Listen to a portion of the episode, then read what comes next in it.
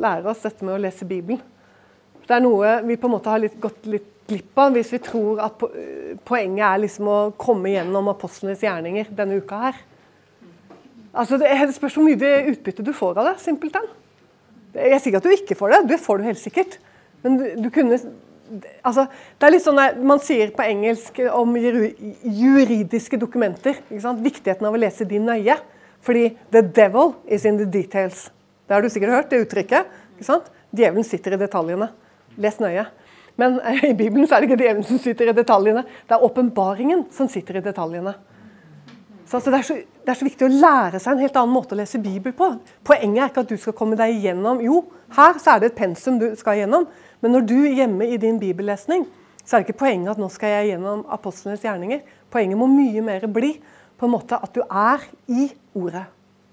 Sant? Nå er jeg i ordet. Og da er det ordet på en måte som veileder meg. Og det, det, skjer gjennom sånn som jeg sa, at du, bruker henvisning. Du stopper hver gang det er noe du ikke forstår. For det er veldig ofte når det er noe du ikke forstår, at det er noe som er veldig viktig. Faktisk, altså. Så stopp ved disse her eh, små detaljene. Ofte er det bare et lite ett ord kan ha enorm betydning.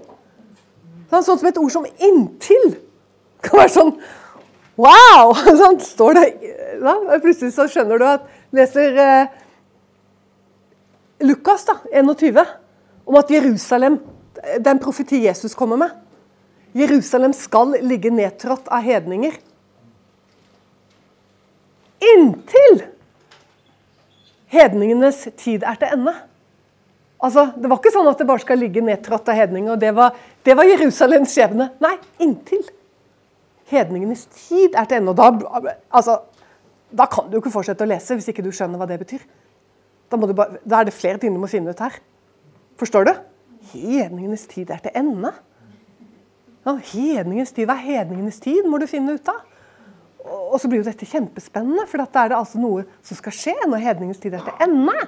Sant? Og da skjønner du at hedningenes tid faktisk er til ende. Altså Den holder på å renne ut. Det er liksom bare noen sandkorn igjen. Hvorfor det? Jo, fordi Jerusalem ligger ikke lenger nedtrådt av hedninger. I dag bor det nesten en million jøder i Jerusalem. Gikk du dit for 100 år siden, 100, si 150 år siden, da, så måtte du nesten lete opp jødene. I dag så er det 850 000 jøder eller noe sånt i Jerusalem. Forstår du? Så vi stopper alt du ikke forstår, og sjekk det opp. Og glem å bli ferdig, liksom. Du blir aldri ferdig med Bibelen. Aldri ferdig å lese Bibelen. Jødene begynner på nytt hele tiden. det. Jeg vet ikke hvor mange Hvert eneste år så begynner vi på nytt å lese Mosebøkene igjen. sant? Mos, Mosebøkene og profetene. Om, og Salmenes bok. Om og om, om igjen. Om og om, om igjen. Sitter på disse skivene og leser og leser og leser. og leser og leser og leser. Fordi de helt sitter. De kan sitte en dag og diskutere et vers. ikke sant? Ja, Nå ble jeg helt utslitt. Nei, nei, nei. Det som er, Bibelen finnes ikke noe som er mer spennende. I hvert fall ikke i denne verden. Uh, ja, da skal vi gå videre. Ja, det skal vi. Og da skal vi gå til uh, noen sånne store profetier som både ble talt og oppfylt i Det gamle testamentet. Og Hvorfor det er spennende å gjøre, det er vel kanskje både for å se på detaljene, se på nøyaktigheten, og for at denne, disse detaljer og nøyaktighet skal, skal, kan være med å gi troverdighet til Bibelens etterrettelighet. Og et fantastisk sted er jo da Abraham og Egypt. Hvorfor det? Hva er det med Abraham og Egypt, egentlig?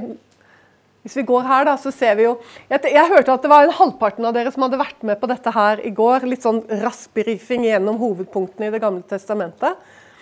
Eh, det er, det er veldig bra. fordi Det som kan bli vanskelig hvis du har lite bibelkunnskap, det er når jeg sier Babylon, jeg snakker om Abraham, snakker om Daniel, så skal du vil du sittende og tenke 'når var det?' Og, ikke sant? og det er ganske viktig. Også når du leser Bibelen. At hvis det er noe du ikke vet når var dette, ja, så bare legger du ting til side. Du googler, og du gir deg ikke før du finner det ut. Du skal ikke videre, du, hvis, er, hvis du leser noe du ikke skjønner. Så skal ikke du videre fordi at du har bestemt deg for at i kveld så har jeg lest to kapitler. Nei, det ble bare dessverre et halvt kapittel. Sånn er det man leser Bibelen. Og eh, det, det, er litt bra, rett og slett. At, hvem, hvor er du som lagde dette? Er du her? Hun er ikke her nå? Nei, men det er veldig fint at du gjorde det. For her, her, liksom, her, får du i hvert fall en, tids, her får du en tidslinje, og så får du de hoved, sånne hovedhendelser er festet ned på tid. Vær klar over at det er litt diskusjon på tid, ikke sant? når ting skjedde og hvilken tidsperiode. Men dette er ifølge én kilde, ikke sant? som hun da følger konsekvent gjennom dette. Og, og, det er viktig at du vet sånn cirka på disse tidene. Så jeg syns at du kanskje i løpet av denne dagen stopper opp her hvis ikke du har, ikke du har eh, studert det. Kanskje ta bilde av det. Du kan jo finne mange sånne tidslinjer hvis du googler det òg.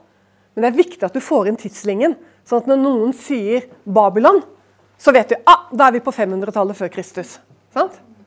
Og når noen sier Jesaja, ah, da er vi på 700-tallet før Kristus. Noen sier Jeremia, ah, da er du på 600-tallet før Kristus. Ja, men det er viktig, for det er med på å skape forståelse sånne ting også. At du kan faktisk feste det på en, eh, på en tidslinje. Og så er det viktig at du skjønner dette sånn som Babylon. For man blir fryktelig frustrert og så står det Israel, så står det Juda. Hva er dette for noe? Ja, hva er det for noe? Er det noen som kan fortelle hva det er for noe? Hæ? Kongeriket ble delt, ja. Fordi at det var det, Dette skjedde rett etter at David dør. Nei, uh, unnskyld. Det skjer etter at kong Salomo dør. Så skjer dette. Rehabeham er da jeg aner ikke om jeg uttaler det rett hebraisk, men, men han er da sønn av, eh, av eh, Salomo. Og er en hard konge som gjør at ti av stammene bryter ut. Du får en utbryterstamme. Ti stykker bryter ut. Og så blir Juda og Benjamin igjen. Og så blir det ett kongerike der, og så blir det ett oppe i Israel. Så det blir to forskjellige kongeriker. Ett i nord. Nordriket, det, det kaller seg for Israel. Og det er frykt. Dette må du skjønne du som ikke var her i går. Fordi jeg kommer sikkert innom dette, og det blir sånn Æh! Nå falt jeg ut! Fordi, for det første så kaller jo dette tistammeriket, da. De kaller seg for Israel. Forstår du? Hvorfor det fort kan bli vanskelig? Og så får du Juda-riket sammen med Benjamin i syd, rundt Jerusalem. Og tistammeriket er i nord, oppe i Samaria. Uh, og de har ulike kongerekker. Og så det siste. Vi kommer tilbake til dette, men bare for at du skal ha det med. Gå bort og titt litt på det etterpå. Fordi Du vet nå at uh, Juda-riket havner i Babylon, i fangenskap. sant? Vi snakket om Jeremia. Og vi snakket om at det var under 70 år. Og at uh, Jeremia fortalte dem det, at det blir maks 70 år. Men det var Juda. Hva da med de andre ti stammene? Hvor var de? De var allerede tatt nesten 150 år før. Så var de tatt av asyrerne. Tatt. Og Årsaken til at de ble tatt, var igjen ugudelighet. At de vendte seg til avgudene. Samme skjedde med Juda. Og begge ble varslet av profeter. Var det litt greit for dere som ikke visste det? Så eh, På 500-tallet så havner Juda og Benjamin-riket i Babylon. og rundt 700 år før Kristus, så havner, så havner tistammeriket i det asyriske riket. Må ikke dere falle ut av sånne ting? Det er klart dere begynner å bli litt slitne nå. Det er vanvittig mye eh, dere skal fordøye i løpet av fire timer. Ehm, men eh, jeg ville bare si det. For jeg tenker at eh, det var veldig bra at hun uh, gikk gjennom dette i går. Fordi det er vanskelig å holde på med Gammeltestamentet hvis man ikke har en tidslinje. Fordi det spenner over så vanvittig mange år. Da kan vi gå til Abraham. Og Der ser du patriarkene. Og der står det 2000 år før Kristus. Sant? Og nå går vi til Abraham som er den første. Og han blir kalt for troens ikke opphavsmann og fullender, det er Jesus Kristus. Men troens far er Abraham. Og Da går vi til 15. kapittel. Og Nå skal vi ta et eksempel på en profeti som er talt og oppfylt i Det gamle testamentet. Og dette gjør jeg for at du skal forstå igjen profetordets nøyaktighet.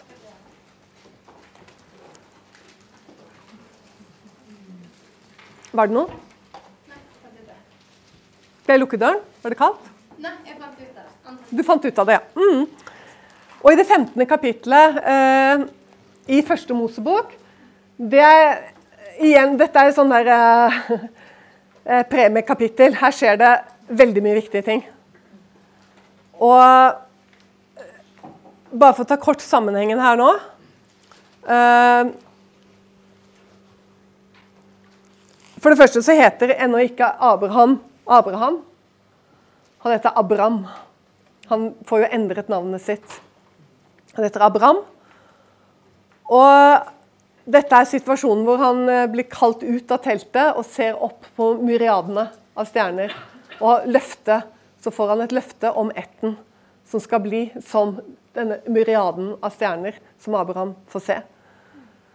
Og, sånn at det, det, er utrolig viktig, det, det kapitlet som kommer her. Og her gjør også Gud en pakt med Abraham. For Abraham han vil, vite hvordan, altså han vil vite hvordan han kan være sikker på at det Gud har sagt til han, at det stemmer. Men kanskje vi skal lese litt her? Jeg tror vi tar oss tid til det. Noen tid deretter kom Herrens ord til Abraham i et syn, og det lød slik.: Frykt ikke, Abraham, jeg er ditt skjold. Din lønn skal bli meget stor. Og Abraham sa, til, sa, Herre, Herre, hva vil du gi meg? Jeg går jo barnløs bort. Og den som skal ta mitt hus i eie, er Eliese fra Damaskus. Og Abraham sa videre, Se, meg har du ikke gitt noe barn. Og en tjener som er født i mitt hus, kommer til å arve meg. Men se, da kom Herrens ord til ham, og det lød slik. Nei, han skal ikke arve deg, men en som skal utgå av ditt eget liv, skal arve deg. Og han førte ham utenfor og sa, Se opp til himmelen og tell stjernene, om du kan telle dem.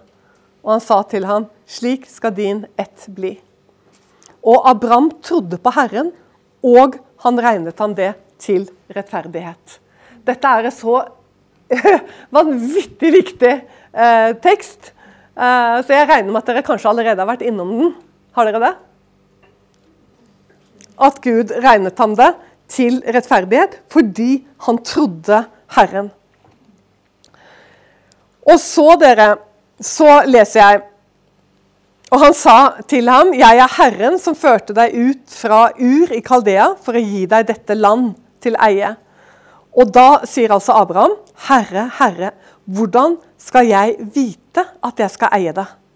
Da sa han til ham, 'Hent meg en tre års gammel kvige og en tre års gammel geit og en tre års gammel vær og en turteldue og dueunger.' Og så hentet han alt dette, nå bare sier jeg litt sånn, og gjør sånn som han får beskjed om. Og det er at han skal skjære dyrene tvers over, og så skal han legge dem på hver side. Og så skjer det absolutt ingenting. Eh, Abraham gjør det han får beskjed om av Gud. Han skal ofre disse dyrene, skjære de to, dele de og legge de på hver side. Og så ligger han der, og så sovner han, og så begynner Gud å uh, tale. Og uh, da nå solen var nær Nei, vent litt. 11. Abraham sitter bare der med disse offerdyrene, som er delt i to. Og så står det og rovfugler for ned på de døde kroppene, men Abraham jaget dem bort. Da nå solen var nær ved å gå ned, og en dyp søvn var falt over Abraham, Se, da falt redsel, et stort mørke, over han. Og han sa til Abraham, det skal du vite, at din ett skal bo som fremmede i et land som ikke hører dem til. Altså Her er Abraham i en situasjon Abraham, Jeg kaller han Abraham nå, sant? for letters skyld. Vi kjenner han som Abraham. Han er i en situasjon, han har ikke et eneste barn. Han har en kone som er langt forbi den alder å kunne føde barn. Og han får vite at han skal få en ett som er som om Du skal ikke kunne telle den engang. Og så, eh, og så begynner altså Gud å tale og sier at denne etten som han, han, han, har, han har ikke engang en sønn, han har ikke engang en datter. Så får han vite at denne, en, en ætten som skal komme fra han, en ett, den skal havne hos et, frem, et folk som ikke hører dem til. Og så sier Gud videre I et land som ikke hører dem til, og de skal trelle eller slave for det folket der, og plages av den i 400 år.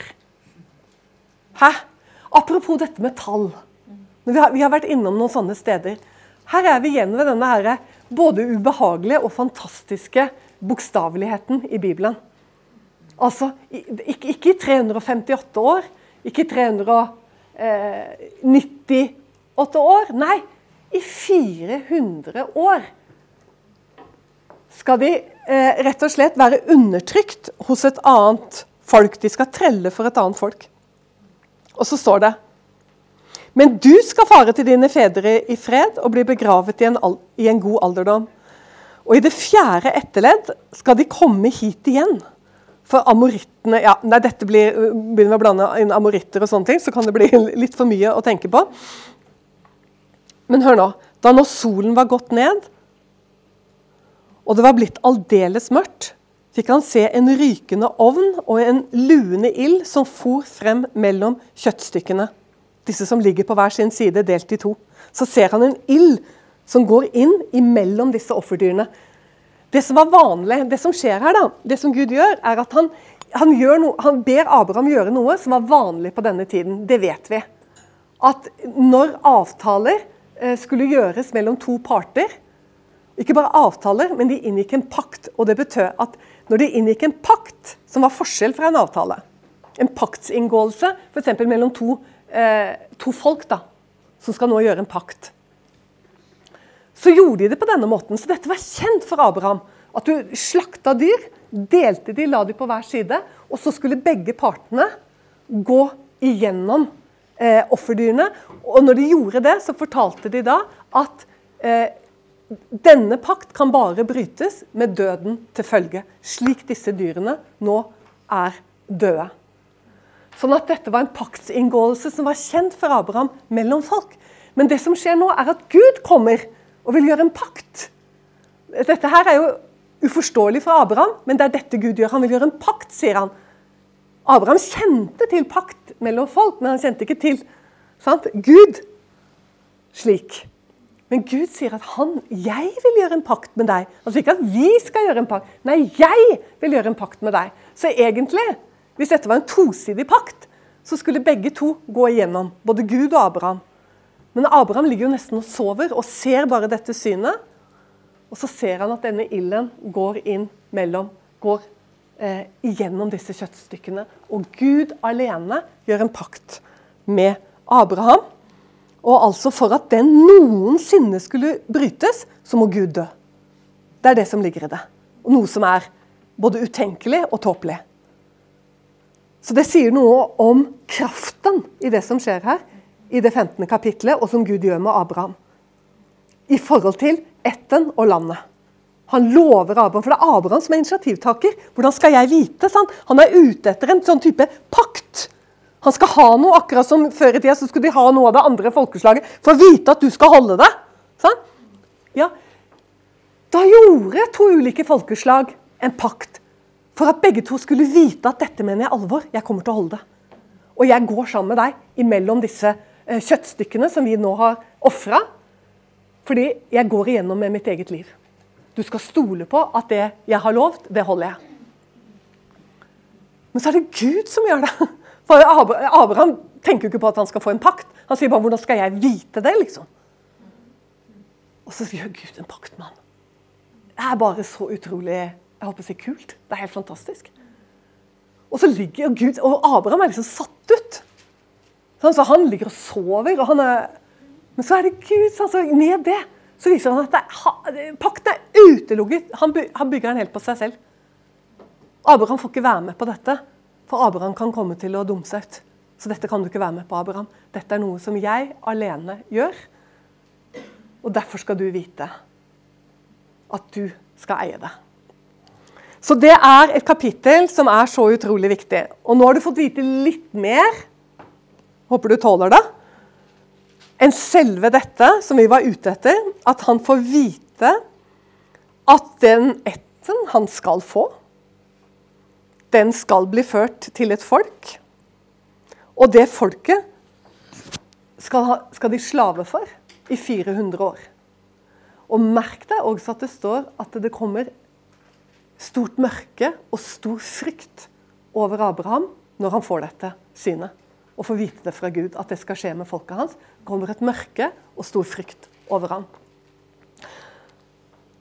Og så leser vi en gang til. Da nå solen var gått ned og det var blitt aldeles mørkt, fikk han se en rykende ovn og en luende ild som for fram mellom kjøttstykkene. Og Abraham vet hva dette betyr. For der skulle egentlig han gått. Og så står det Den dag gjorde Herren en pakt med Abraham og sa Din ett gir jeg dette land, fra Egyptens elv like til den store elv, elven Fratt. Så kommer det kenit, eh, kenittene og kenisittene og eh, kadmonittene og hetittene osv. sine landområder.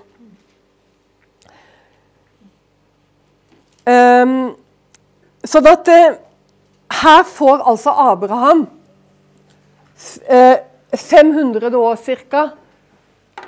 før det skjer at de går ut av Egypt, så får, vet, har Abraham fått eh, kunnskap om det, at de skal være der i eh, 400 eh, år. Og det spennende er at han får også vite bare, Nå fant jeg det ikke. At de skal reise ut med mye gods, faktisk, og gull. Erlend, kan ikke du finne det for meg? Eh, I kapittel 15.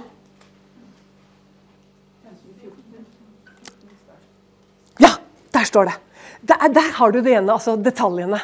Sant?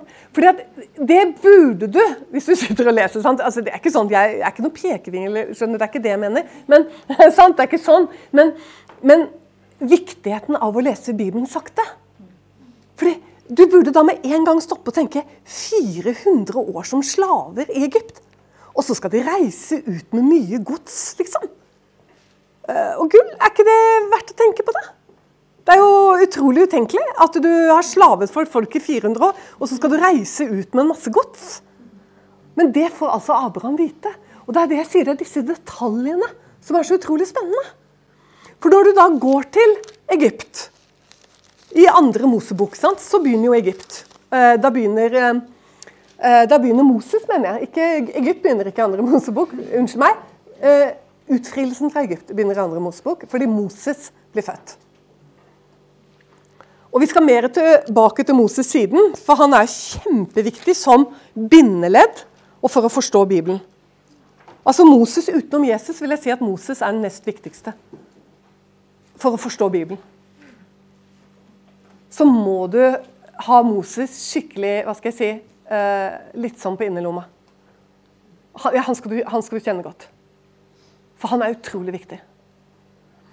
Det er ikke for ingen grunn at Jesus sa hadde dere trodd Moses, så hadde dere trodd meg. Jesus sa det.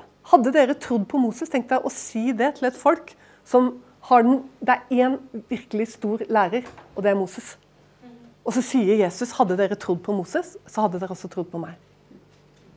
Så Derfor er Moses kjempeviktig for at vi skal forstå Bibelen. Det er, de, det er liksom den store hovedfortellingen det er Moses og Jesus. Sånn, ja. Og Vi skal mer inn i det, men nå skal vi bare gå til andre Mosebok. Og så skal vi se Fordi når Moses får beskjed sant, om at han skal uh, lede folket ut og sånn For det første så er han jo uh, vanvittig lite villig, uh, og Gud må jo nærmest overtale han.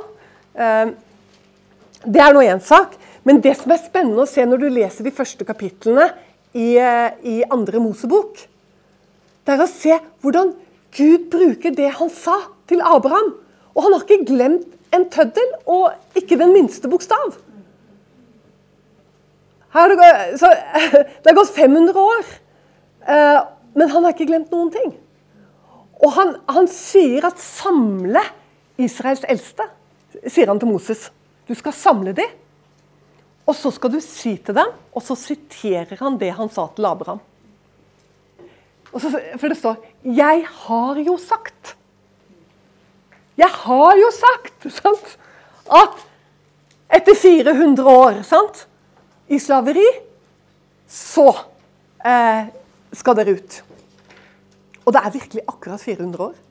Og det morsomme er når du leser i eh, jeg mener det er i 12. kapittelet, så står det at Og Israel, folket, da, de var 430 år i Egypt, står det. Og det var en sånn gang hvor jeg fikk sånn kick. Hæ? For jeg visste jo hva det sto hos Abraham. At det, at, det, var 400 år i slaveri. Og så står det plutselig 430 år var da eh, eh, eh, Israelfolket, eller jødefolket, i Egypt. Da har du nøyaktigheten igjen. For de var jo ikke slaver hele tiden. For den første tiden så levde jo Josef, ikke sant? Altså den første tiden eh, Nå skal ikke jeg blande inn Josef, for det er mange som en gang er Josef. Eh, ok, Kutt ut Josef. Den første tiden de var i Egypt, så var de ikke slaver. De var ikke slaver. Det var en god farao som gjorde alt liksom for å legge til rette for dette stammefolket som var kommet ned fra Kanaan. Så De første årene så bodde de godt, de hadde det godt. Men så kommer det en annen konge. Sant? Og så begynner ting å bli vanskelig. Så, eh, så det er liksom Det er på året, rett og slett, at de gikk ut etter 430 år i Egypt, men de var slaver i 400 år. Den type nøyaktighet er viktig å få med seg. Og så skal du legge merke til at når de går ut den natten de går ut, så kan du lese at Herren kommer og sier til Moses Moses, si til folket at de skal be egypterne om uh, gaver. Hæ? Det er, du, det er, veldig stor sannsynlighet for at uh, når du skal stikke av på natta Og du har vært uh, et slavefolk, og du er et slavefolk um, og, og, du har hatt enorm motstand. Bare det å komme seg av gårde har vært helt forferdelig gjennom ti forferdelige eh, straffe, sant, straffer som har skjedd. Så kommer Herren og sier Be folket om å gå til egypterne og be om gaver, gods og gull. Og Moses går til folket og sier dere skal gå til egypterne og dere skal be om gaver. Altså På natta så går de altså, kan du se det, de går fra døra Gi oss noe Give us. Altså Jeg ser rene sigøynerne. skjønner du? Altså sånn, uh, Give me. Og det er ikke, Unnskyld, det kan høres litt rart ut, men jeg har vært i Ukraina i masse. Og, og der, det er utrolig mye sigøynere i Ukraina, og de, de, går etter deg. ikke sant? Og give me, give me. Men det er jo sånn, dette er settingen. At de går på husdører og uh, vekker opp folk og ber om å få gaver. Og så står det at Gud ga egypterne en gavmildhets en ånd av gavmildhet. Så de bare gir. Og jeg tenker, hvor mye ga de? For du skjønner det som er så morsomt. Fordi Før jeg hadde sett dette, så, jeg, så sitter jeg og leser, og du leser, i ørkenen. Om tiden i ørkenen. Og så sitter jeg og leser om dette her, tabernaklet, dette teltet som Moses fører opp. Ikke få hetta nå om ikke du vet hva tabernaklet er. Alt kommer vi tilbake til. og jeg har lyst til å si til deg, Alle løse tråder som du får underveis, ikke bli sånn at du faller ut eller ikke orker mer. Ikke gjør det. Fordi disse løse trådene, Min mening er at alle løse tråder skal ha kommet på plass i løpet av fire dager. Det er kanskje høyt mål, men det mener jeg. Sånn? Gjennom spørsmål fra dere at de kommer på plass. Men, men jeg vil bare sånn? Du forstår, eller du forstår ikke, men du skal ikke slutte, du, skal ikke, du må ikke bli forvirret. Men det jeg vil si til deg, da, er at han oppfører dette tabernakelet, som vi skal snakke mer om siden. Hør nå.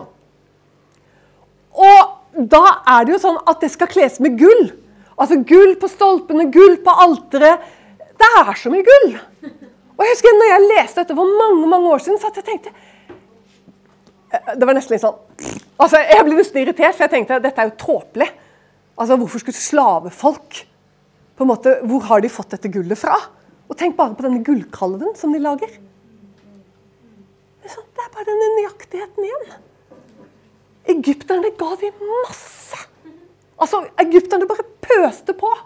med ting. Fordi Gud rett og slett ga de en sånn uh, ånd av ja, uh, Holdt på å si ta alt jeg har Ta det, liksom. Fotringer. Uh, dette skjedde. Og, og, sånn er Bibelen, og det er så utrolig spennende. Fordi at vi ser det at det ble sagt allerede til Abraham. At de skulle gå ut med mye gods, mye gods og gaver. Så kommer Moses 500 år etterpå og sier 'husk å si'. Sant? Si til folket at de må gå og be om gaver. Sånne små sånne detaljer som vi leser forbi, men som forteller så mye om Gud, og hvem han er, og hvor mektig han er. Og hvor god hukommelse han har. Han har ikke glemt det. Fordi det var viktig sant? for eh, en lang fortsettelse at de måtte ha alle disse gavene. For det de skulle eh, sette i stand. Og som kommer mer om eh, i morgen. Dere, det var bare ett eh, eksempel nå ifra, ifra, Abraham til Egypt. Og så, dere, så før vi slutter, så skal vi ta profeten Jesaja og kong Kyros. Og da skal vi til Jesaja kapittel 45. Og det kan du si, det er vel kanskje det mest kjente Nei, kanskje ikke det mest kjente, det tror jeg ikke jeg vil si. Men kanskje ved siden av Jesus og profetiene om han, så er eh, dette som skjer her med Kyros, det er en, en eh, Det er virkelig en sånn eh, premiegreie. Det er så utrolig bra. Eh, for, for, men først, dere, for å ha bakgrunnsstoff. Når levde Hvem var kong Kyros? Er det noen som vet? Kong Kyros Han er den som gjorde Noter Esra, Esras bok, kapittel 1. Eh, kong Kyros kan du google når du får lyst. Kyros av Persia. Og Så kan du lese hyllemeter med litteratur om han, og vi har også skriftlige kilder av han. Og Han er kjent både innenfor arkeologien, han er kjent innenfor persisk historie. Iranere er veldig stolte av han. Så hvis du treffer iranere og begynner å snakke om Kyros, så er de med med en gang. Alle har lært om han på skolen. Han er en historisk skikkelse, sånn svært mange i Bibelen er. De er historiske. Unnskyld meg, ikke svært mange. Det er sånne ting du sier når du begynner å bli trøtt i hodet. Eh, alle er historiske skikkelser. Kyros han eh, levde på 500-tallet før Kristus. Og det var han Gud brukte til å sette jødene i frihet fra Babylon. Og I det første året, står det i Esras bok, jeg tror jeg kan det omtrent utenat, i det første året av kong Kyros sin regjeringstid Så får kong Kyros slike tanker, står det i min oversettelse for at det Gud hadde talt til profeten Jeremia, skulle oppfylles. Og profeten Jesaja kan vi legge til. Men profeten Jeremia skulle oppfylles. Henger dere med? Hva var det profeten Jeremia hadde sagt? Hva er det han hadde sagt om Babylon? 70 år! sant? Og i det første året av kong Kyros regjeringstid Nå har det gått 70 år. Så får han sånne tanker i hodet sitt at han skal bygge opp igjen Jerusalem. Eh, det som er litt sånn eh, spennende her, sånn, det er at vi nå går til Jesaja 45. Når levde Jesaja? 700 år før Kristus, På 700-tallet før Kristus levde Jesaja. Når levde, når levde Kyros? På 500-tallet før Kristus. Jeg bare sånn repetisjon for at dere henger med. For det er litt viktig i forhold til oppfyllelse her. Jesaja uh, eh, 45.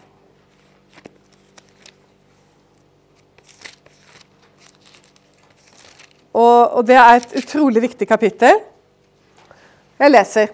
Så sier Herren til sin salvede, til Kyros, som jeg holder i hans høyre hånd for å kaste hedningefolk ned for ham og løse beltet fra kongens lender. for å åpne dører for ham, og for at ingen porter skal holdes stengt. Jeg vil gå frem foran deg, og bakker vil jeg jevne. Dører av kobber vil jeg sprenge, og bommer av jern vil jeg sønderhugge. Og jeg vil gi deg skatter som er skjult i mørket, og rikdommer som er gjemt på hemmelige steder. Så du Jeg har lyst til å lese tredje vers en gang til. Jeg vil gi deg skatter som er skjult i mørket. Det er Gud som taler til Kyros. Jeg vil gi deg skatter, ikke til Kyros, men om Kyros. Jeg vil gi deg skatter som er skjult i mørket, og rikdommer som er skjult på lønnlige steder. Hvorfor vil du det da, Gud, sier jeg. Så kommer det. Så du kan vite at jeg er Herren som kalte deg ved navn, Israels Gud. For Jakob, min tjener, og for Israel, min utvalgte skyld, kalte jeg deg ved navn, ga jeg deg hedersnavn, enda du ikke kjente meg. Jeg er Herren, og det er ingen annen. Foruten meg er det ingen Gud. Jeg omgjorde deg enda du ikke kjente meg. Hvorfor gjorde du alt dette, Gud? Sjette verset. For at de både i øst og i vest, og sånn står det i Bibelen når det innbefattes alle folkeslag, altså hele verden. For at de både i øst og i vest skal vite at det er ingen foruten meg. Jeg er Herren, og det er ingen annen. Jeg ser dere er slitne, men det er bra å komme med gudsbevis når vi begynner å bli slitne. Fordi her kommer det et sånn type, her kommer det gudsbevis. Hvorfor det? Jesaja nevner den persiske kongen Kyros 150 år før han ble født, ved navn. Og så står det også, at Gud taler også gjennom Jesajas munn og sier hvorfor Altså, Gud taler igjennom profeten Jesaja og sier hvorfor han gjør det. Jeg gir deg, enda du ikke kjente meg, kaller jeg deg ved navn, gir deg heders, hedersnavn. Hvorfor gjør du det, Gud? Jo, for at alle skal vite at jeg er Gud, og det er ingen annen. Dette er ikke eksklusivt i Bibelen at Gud gjør sånn. Han gjorde det med kong Jossia òg. Kalte han ved navn 250 år før han ble født. Det er sånne ting du finner i Bibelen. Og Gud gjør det og bruker det for at vi skal vite at han er Gud, og det finnes ingen annen. Og det sier han her gjennom profeten Jesaja. Så kan du si ja, men jeg lurer litt på han der kong Kiros. Ja, sant? Det som er spennende, at vi vet ganske mye om kong Kyros. Og det er også detaljert i forhold til årstallet, når han går inn og frir folkene fra Babylon. Hva er det som skjer? Jo, han overtar det babylonske riket. Det som skjer nå, er at det persiske riket slår ut hele det babylonske riket. Kyros gjør det. Han overtar, han overtar det eh, babylonske riket. Og så står det at Jesaja, altså Gud sier gjennom Jesaja at dører av kobber og bommer av jern vil jeg sønderhugge, og jeg vil gå foran deg. Det er kjempeinteressant detalj. Fordi alle dørene inn i det babylonske riket Det er jo byriker på den tiden der. Enorme byriker med murer som er så høye. Eh, rundt Babylon var de åtte meter høye murer, og det var flere av dem utenpå hverandre. Det var uinntagelig. Helt uinntagelig. Og det var 25 porter inn i det babylonske riket. Og alle disse portene var av kobber og jern. Døren var av kobber, og bommene var av jern. Dette vet vi, dette vet arkeologene også. Vi har, og med, vi har til og med kopi av disse dørene, og du kan se det, mener det er i Berlin. At den, eh, denne døren fra det babylonske riket har laget en sånn replika av den. De visste det, at de er av eh, kobber og jern, og Jesaja får si det. Han sier det at dørene skal, skal stå åpne for ham han, skal de, han, skal gå foran, sier Gud, og jeg skal slå de opp for deg. I 1879, og nå må du følge med selv om du, ikke, selv om du er trøtt. I 1879 så er det utgravninger i de babylonske ruinene for første gang. Og arkeologer er i gang. Og ut av jorda så drar de opp en leiretavle som er ganske hel og lesbar. Og eldgammel. Så blir den tydet. Og så er det et skrift. Det er et eh, ser ut som en sånn Den heter Kyros sylinder. Hør nå. Den finnes i dag på eh, Historiske museum i London. Så finner du den og kan stå og lese hva det står på denne sylinderen. Kopien av den henger utenfor FN-bygningen i New York. Hvorfor det? Jo, fordi kong Kyros ble sett på som den første, eh, første menneskerettighetsforkjemper. Fordi han var den, for de vet at han var den som satte folkene i frihet ut av Babylon. Og de vet at han løftet ikke våpen når han gikk inn i byen. Kyros skriver her på denne lærtavlen Først så sier han at himmelens og jordens herre, og han kaller han Marduk, for det er den babylonske skapergud. Kalte meg ved navn for at jeg skulle dra til Babylon og fri ut folkene. Og så forklarer han hvordan når han kommer til Babylon Alt dette står på dette skrivet. Så står portene åpne. Ha-ha! Så bra. Porter av kobber og dører av jern står åpne. Og det er ikke rart at han får lyst til å skrive dette her. For Babylon er uinntagelig. Det er ingen som har klart å beseire dette riket. Det er umulig å innta det. Men dørene står åpne for kong Kyros, og han går like inn i Babylon. Og eh, holdt på å si, ifølge andre historiske kilder så er kongen dritings. Babylonske kongen. Og det er en lett match for han.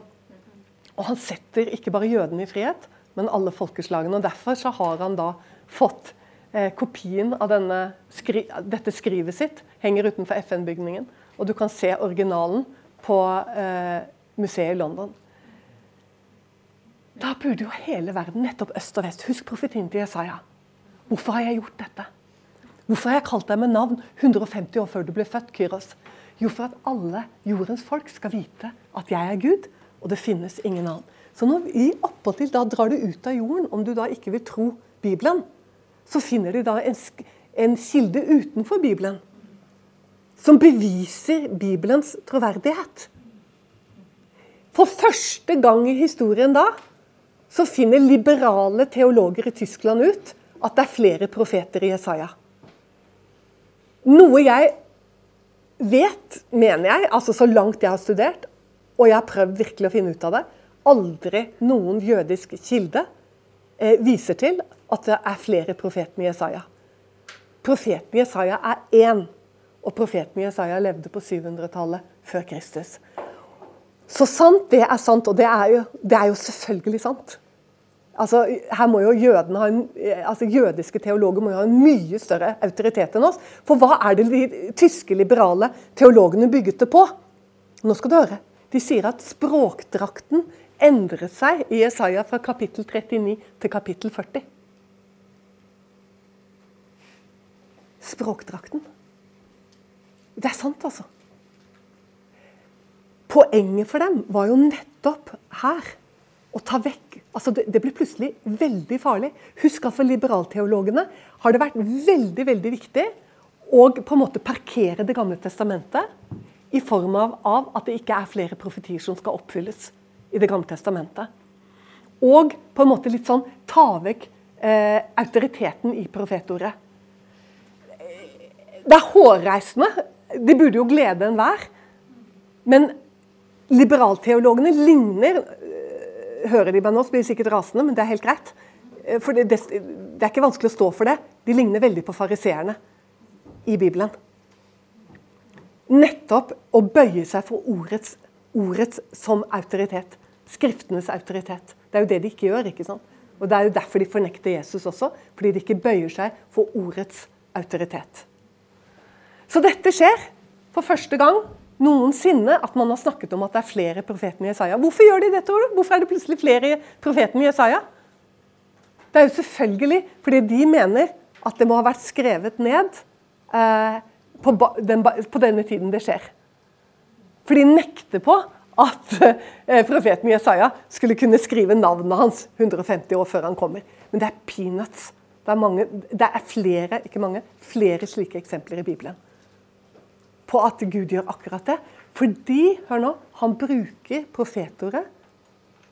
Jeg sa at vi jobber med beviser. Gud bruker det for at du skal vite, han sier ikke bare vite, for at du skal vite, for at du skal forstå, for at du skal kjenne at jeg er Gud, og det finnes ingen annen. Så hvis du fornekter det, så fornekter du hele sammenhengen som det er skrevet i. For han sier hvorfor han gjør det. Og det er for at alle skal vite at han er Gud. Så da har du på en måte ikke bare eh, Ikke bare at du forsøker å ødelegge for eh, det at Jesaja eh, ved Guds ånd kunne si dette, men du har også tatt vekk sammenhengen det sies i. For sammenhengen det sies i, er nettopp dette. For at vi skal vite. Altså Det er derfor jeg gir deg hedersnavn. Det er derfor jeg kaller deg ved navn. Han sier det. Jeg ga deg hedersnavn, jeg kalte deg ved navn. For at både de i øst og de i vest skal vite at jeg er Gud, og det finnes ingen annen. Stå med oss økonomisk og i bønn. Du finner oss på utentvil.com.